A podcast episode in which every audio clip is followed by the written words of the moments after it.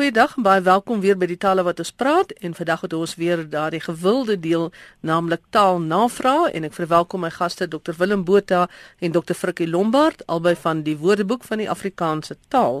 En Frikkie, ons gaan met jou wegspring 'n vraag van Pieter Loupser. Hy vra oor hakkies en punctuasie en oor hoofletters of nie na die dubbelpunte. Sal jy vir ons 'n bietjie uitbrei?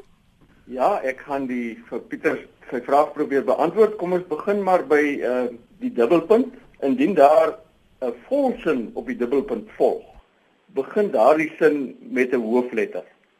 En ek gee sommer twee voorbeelde. 'n Sin soos hiervan kan jy seker wees. Dubbelpunt. Die beskuldigde se prokureur gaan bewisse aanvra. Of iets soos die idioom lui dubbelpunt 'n hastige hond verbrand sy mond. In albei daardie gevalle waar jy 'n volsin het wat volg op die dubbelpunt, gaan daardie sinne met hoofletters begin. Indien jy egter 'n frase het, net 'n frase, nie 'n volsin nie, of 'n enkel woord wat op die dubbelpunt volg, dan volg daar 'n klein letter. Kom ons gee weer 'n voorbeeld. Die soektog het die volgende opgelewer: dubbelpunt, 'n klompie motorbande, twee bottels spykers en 'n ou saag. En daar begin die twee bottels uh, begin net met 'n gewone te klein letter T ook iets soos sê maar Charney het net een vaardigheid dubbelpunt om te kan spel klein letter O daar. Of hy kan net een ding sê dubbelpunt en dan volg haar net 'n enkel woord nee. Hy kan net een ding sê dubbelpunt nee. Dan is die n daar met 'n met 'n klein letter nou wanneer mens by hakkies kom wanneer 'n sin tussen hakkies deel vorm van 'n groter geheel en aan die einde van daardie groter geheel staan dan kom daar 'n punt na die laaste hakie. Sê maar so sin soos dit het glad nie so gebeur nie en dan tussen hakies beweer sy. Na daardie hakie wat gesluit het, na die sy, is daar 'n punt. Nog iets sê maar hy is nou opsetlik moeilik en tussen hakies en ondermynend, dan kan daar 'n uitroepteken kom na die hakie gesluit is. Maar wanneer jy 'n parentese het tussen hakies wat wat eh, 'n uh, volsin is en wat nie by 'n ander sin ingebed is eintlik nie. Met ander woorde heel op sy eie staan, dan begin hy met 'n hoofletter en word daar binne die hakies gesluit. 'n Sinnetjie soos die volgende: Sy het wel die werk afgehandel. Punt en dan hakies. Sy was geruime tyd siek. Punt. Sluit die hakie. Want dit is dit is 'n volsin wat nie in 'n ander sin ingebed is as dit ware nie. Nog 'n voorbeeld: Wat is die grootste probleem? Vraagteken en dan tussen hakies of wat is die grootste uitdaging? Vraagteken sluit hakies. Ek hou daarvan om die komma punt te gebruik en dan die komma na die voegwoord soos hy is glad nie siek nie, komma punt. Trouwens, komma, hy mm. is perdfris en gesond. Dit sou jy ook kon doen. Ja, dit is vir my Maar wanneer jy nou wel 'n dubbelpunt wil aanwend om sê maar 'n reeksie goedjies te noem of so, jy weet, dan jy nou nie 'n opsie nie. Ja. Willem, 'n luisteraar wil weet waarom die woord bakkie verwysende na die voertuig nie in sy woordeboek voorkom nie. Ja, Magdalene, eintlik sien ek hier uit na die WAT verwys. Nou bakkie in die sin van die voertuig is wel uh, opgeneem in die WAT en is interessant. Ek het bietjie gaan kyk in ons argiewe. Ons eerste opname gebruiksopname wat ons ontvang het oor bakkie kom uit 1947 en is 'n meneer Weideman van Kraddock wat vir ons die word ingestuur het netjies op 'n kaartjie getik en hy sê bakkie is 'n lekker kort woordjie algemeen in gebruik in Noordwes Kaapland en in Suidwes Afrika. En dan sê hy dis 'n motorvoertuig voorsien van 'n bakkie en dan het ons ook van 'n CJ Botha in dieselfde jaar van die hy sê net ek kom van die Boland en hy sê 'n bakkie is 'n vragmotortjie of 'n lorrietjie. Nou wat vir my verder interessant is is dat ek dink in die noordelike provinsies praat hulle meer van 'n trok of 'n trokkie. Uh, Bakkie lyk my is meer gevestig uh, in die suide van die land, maar ons is hier by die VAT besig met 'n geweldige opgradering of 'n opdatering van ons elektroniese VAT en uh, woord soos bakkie is is onlangs hersien. Maar saam met hierdie hersiening van bestaande lemmers is daar ook nuwe woorde opgeneem want soos ons publiseer ontstaan dan ons nou nuwe woorde en uh, binnekort ons redigeer nog aan die teks maar binnekort sal mense nou in die WAT ook woorde soos e-tol, geelkaart, DVD, awe, aanlyn app of toep banting, beerkrag, hommeltuig en hidrobreking kan naslaan. Maar miskien Frikkie het 'n uh, bakkie geherdefinieer. Miskien kan hy net uh, ons meer moderne definisie van bakkie gou lees. Ja, ons het gesê by 'n by bakkie, dis 'n ligte voertuig met 'n enkel of dubbel kajuit en 'n oop bak en dan presiseer ons daardie bak watter soort bak ons bedoel wat veral gebruik word om klein vragte te vervoer, afleweringe te maak of dergelike en waarvan boere en bouers tipiese gebruikers is. En dan kry mens mos die visvangbakkie, die klein skuit ja. waarmee jy vis vang, dis algemeen bekend as 'n bakkie. Hy is hoeka in in die WAT, ja. Jeff Rich van Parklands wil hê dat ons gesels oor die agtervoegsel geit in plaas van heid, soos dit is nou sommer simpel geit in plaas van simpelheid. Daar kom heelwat sulke gevalle voor dat jy kan praat van lafgeit, kwaadgeit, leigheid, moeilikheid, simpelheid, skaamheid, jy weet enige van die goed kan geit kry. Die normale afleidingsmorfeem wat ons in hierdie geval gebruik, wat van 'n byvoeglike naamwoord dan 'n substantief maak, is heid. Die geit word natuurlik wyd gebruik, maar dit is meestal in informele verband en dan meestal ook in die geselstaal. Maar ek het nou gepraat 'n bietjie van uh afleidingsmorfeem, miskien moet ons net vir die luisteraars wys op die soort morfeme wat ons eintlik kry in Afrikaans. Ek wil dit kortliks doen. Ons kry fleksimorfeme. Nou dit is die morfeme wat jy by 'n stam sit of die basisvorm van 'n woord en dan gee hy vir jou sogenaamd fleksie. Met ander woorde, meervoude, verkleinwoorde, verlede tyd, trappe van vergelyking op byvoeglike naamwoord. Kom ons kyk byvoorbeeld by stoel sit jy e aan en dit vorm stoele, die meervoud. Die e is dan 'n fleksimorfeem. Of 'n verkleinwoord rand, randjie, die j is dan die verkleinwoord vormende fleksimorfeem. Verlede tyd loop ek het ek loop ek het geloop. Die ge is dan weer daardie fleksimorfeem. En ook by trappe van vergelyking die ir en die st, sê maar soos jy kry by losser en loste of die pad is breed of 'n breë pad met ander woorde waar jy die naamwoord gaan verbuig die verboë vorm word deur 'n fleksimorfeem gevorm. Die volgende klas is metamorfeme.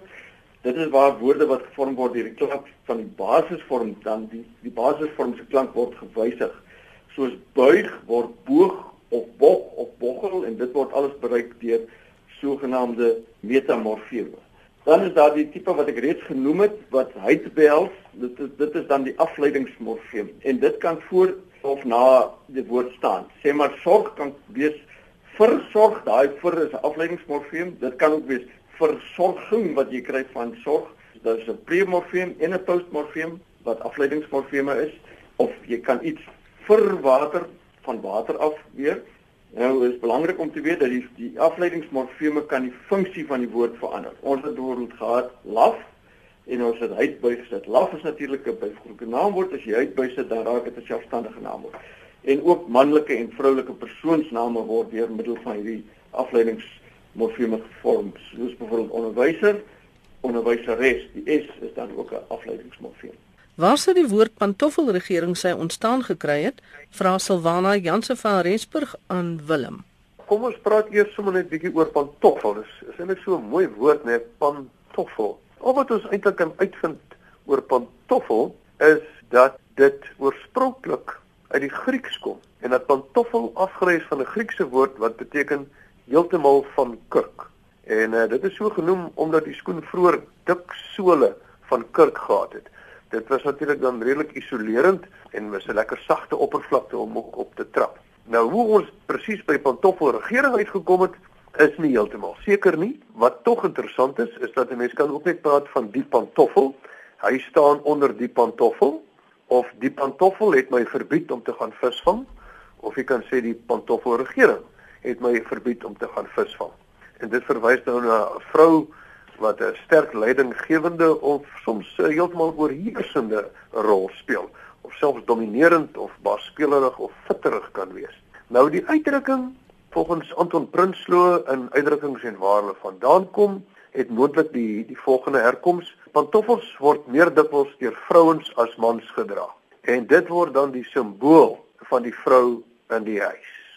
Dis die een met die pantoffels. Ek dink daar was dikwels ook maar vrouens wat sterk leiding gegee het en dan is hulle geassosieer met pantoffels en dan staan jy onder die pantoffel of jy staan onder die pantoffelregering Frikkie na jou kant toe Klemstein. Hy wys op 'n paar gevalle van slordrige en anglisistiese taalgebruik, maar ek gaan dit nou nie alles noem nie. Jy kan sommer soos wat jy antwoord ehm um, hulle noem. Oom Klem met uh, hy, hy laat sy vrou lief as dit ware praat en dan maak sy 'n fout en dan korrigeer hy haar.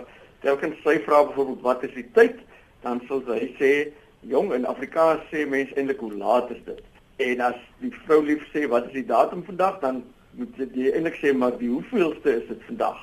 En dan sê vrou lief ek moet die dokter gaan sien en dan sê hy ja, dis seker dis daar reg dat jy 'n dokter kan gaan sien, maar jy kan hom sien, jy kan hom besoek, jy kan hom ook spreek, maar spreek is seker al 'n bietjie meer formele gebruik. Dit is inderdaad so, dit is bietjie meer formeel en jy kan lees daar iemand gaan sien.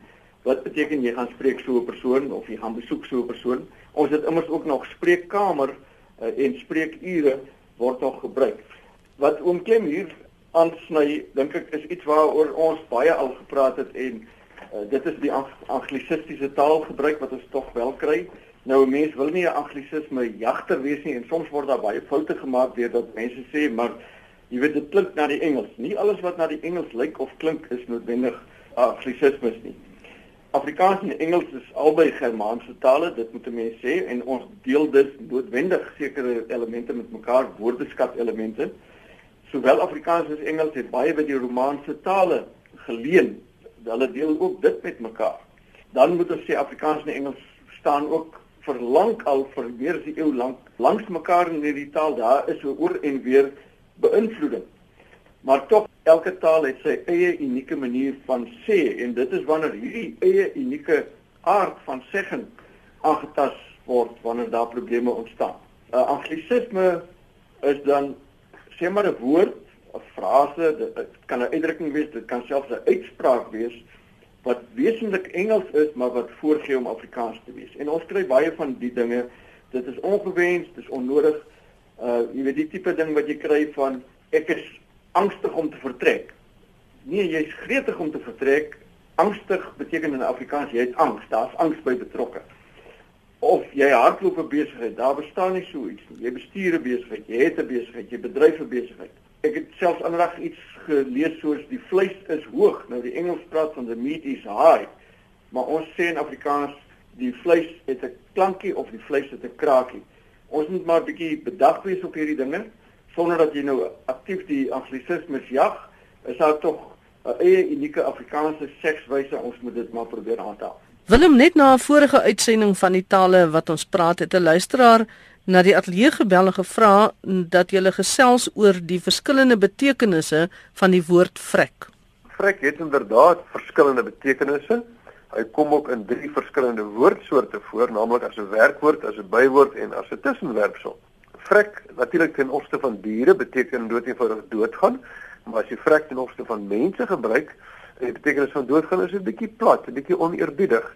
Dit is nie 'n mooi manier om na mense te verwys nie. Maar miskien kan ek net ietsie sê oor waar vrek vandaan kom. Vrek kom eintlik uit Nederlands verrekken en oorspronklik het dit verrek beteken. Met ander woorde te veel rek sodat daar skade aangedoen word. Maar die betekenis van doodgaan het in Nederlands ontstaan na aanleiding van die stuiptrekkende ledemate van diere wat besig is om dood te gaan. Dis 'n geruk en 'n geruk en dan een groot ruk en dan is die dier dood. So dan het hy eintlik te veel gerek dan het hy hom verrek en dit het toe later die betekenis gekry van doodgaan. So verrek en die betekenis van doodgaan beteken. Nou vrek kan ook dan nou beteken baie erg of uiters en dit is ook 'n bietjie plat in die geselstaal. Ek is vrek moeg, maar ook positief, sy is vrek mooi of daar's vrek baie om te doen of dan weer negatief, sy is vrek suinig En dit kom ook uit Nederlands. In Nederlands het verrekt ook daardie betekenis. Jy sal sê het is verrekt koud. Dit beteken dan baie erg of uiters. En dan die tussenwerpsel is ook bietjie plat. Jy sal uitroep vrek, maar dit is warm of vrek, maar ek is dors. Dis dan 'n uitroep van verbasing of ontsteltenis. En dit het ook so in Nederlands bestaan en bestaan nog steeds so. Jy sal sê verrekt, het is heet as 'n uitroep. So dis 'n interessante woord, vrek wat eintlik kom van verrek, te veel rek en hy kan in drie verskillende woordsoorte gebruik word. En as ek nou sê o, frek, ons moet klaar maak, die tyd raak min, in daai sin kan 'n mens dit ook so gebruik. Ja, dit, dit is frek, dit is warm. Dit is dis is net 'n bietjie van 'n wisseling daarvan, ja. Goed Frikkie, Corrie Hansen het hier 'n paar interessante woorde sommer net genoem wat hulle as kinders gebruik het vir speletjies. Ehm um, baie mooi name ook. Wil jy nie dit vir ons hanteer nie? Ja, uh, hy sê hulle het rounders gespeel toe hulle kind was. Dat kinders was natuurlik om op dit jy het 'n tennisbal mag geslaan met 'n kolf en dan jy na vier raakpunte gehardloop om jou round te voltooi as ware. Nou rounders, Corrie is inderdaad as word as 'n leenwoord beskou. Dit is ons gebruik dit net so behalwe dit word nie eintlik deesdae meer gespeel deur die kinders nie. Corrie praat ook van hoe hulle malies gespeel het of met malies ook gespeel het, naamlik albasters. En die albasters, jy het verskillende soorte albasters gekry, soos ek dit onthou het 'n mens gekry goed wat jy genoem het beauties. Ons het ons taal was min of meer Engels in die verband met die albaster spel. En jy het ook goons gekry wat dan van uister was. Ons het ook gepraat van die einies of 'n einie kon ook 'n kleiner albaster gewees het soos 'n koelaar wat nou van staal of van yster gemaak is. Hoe groter jou goon natuurlik was, eh, was, hoe meer was jy man gewees met die spel en hoe meer kon jy uithaal. Nou wat interessant is in die WAT is daar omtrent 214 inskrywings waarin albaster spel as etiket gebruik word. Met ander woorde, die albaster spel was 'n geweldig uh, uh, gewilde spel en hy uh, vreeslik baie by uh, woorde gehad wat wat die spel beskryf en dra. Jy het ook byvoorbeeld uh, albasters gehad van ert. En een so ert was sê maar bietjie meer uh, werd as die falies. Die falies was die faal albasters wat nie mooi vertoon het nie. Maar 'n glas albaster of glas malie was nou weer bietjie meer werd as 'n ert geweest. As jy al as jy al jou albasters of jou malies of jou toekies verloor het, dan jy kaal of dops geweest dit is vir my al vreeslik interessant die taal wat daar was rondom hierdie spel.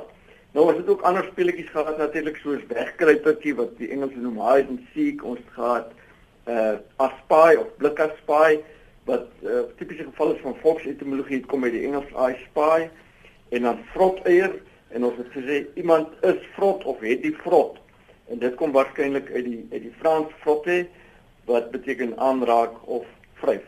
Maar ek is bevrees hierdie speletjies word nie meer gespeel nie. Ek dink nie my kinders weet wat dit presies is of wat dit beteken nie.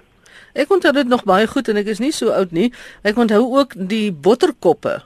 Eh, sommige van die albasters wat gebruik is wat nou so hmm. wit was met sulke vlekke op was die botterkoppe en dan jy nou of tang gespeel of jy het gaatjie gespeel waar die gaatjie gemaak is en jy die albasters in die gaatjie miskien die tang was soos 'n vis figuur en dan ja. jy die die balbasters mos so gepak en dan moes jy dit nou uitskiet of iets. Jy ja. dit jy onthou dit ook saam met dit, my. Dit ons het dit dan ook almekaar gespeel en natuurlik wat hy ook wat uh, wat hy ook sê Corrie is dat mense het ons het tol gespeel ook. Jy weet en dit jy het jou tol laat draai natuurlik jy het hom te tou om hom opgewen uh, en dan gegooi en jy dikwels het jy jou tol so probeer gooi dat jy ander ou se tol stukkend gooi of ten minste 'n merk daarin maak. Jy het hom gekap of gespin. Ja, so 'n kap. En daai ja. kap, die die kapmerk wat jy gemaak het, ons is genoem 'n ertjie of 'n boontjie. En jy kon jy kon dit ook as 'n werkwoord gebruik het. Ek ertjie jou, ek kap jou ek sodat jy merkie in jou tol het. Jy nog jou mooiste albasters iewers in 'n kas magteleen? Dink my ma gebruik die albasters, ons kinders se albasters nou in blompotte om die blomme regop te hou. Ah, so. Nou ons raak nou baie nostalgies so op hierdie nostalgiese noot sal ons met afsluit met vandag se program. Baie dankie Dr Willem Botha en Dr Frikkie Lombard vir julle bydrae vir vandag en ek is Magtleen Kreer wat groet.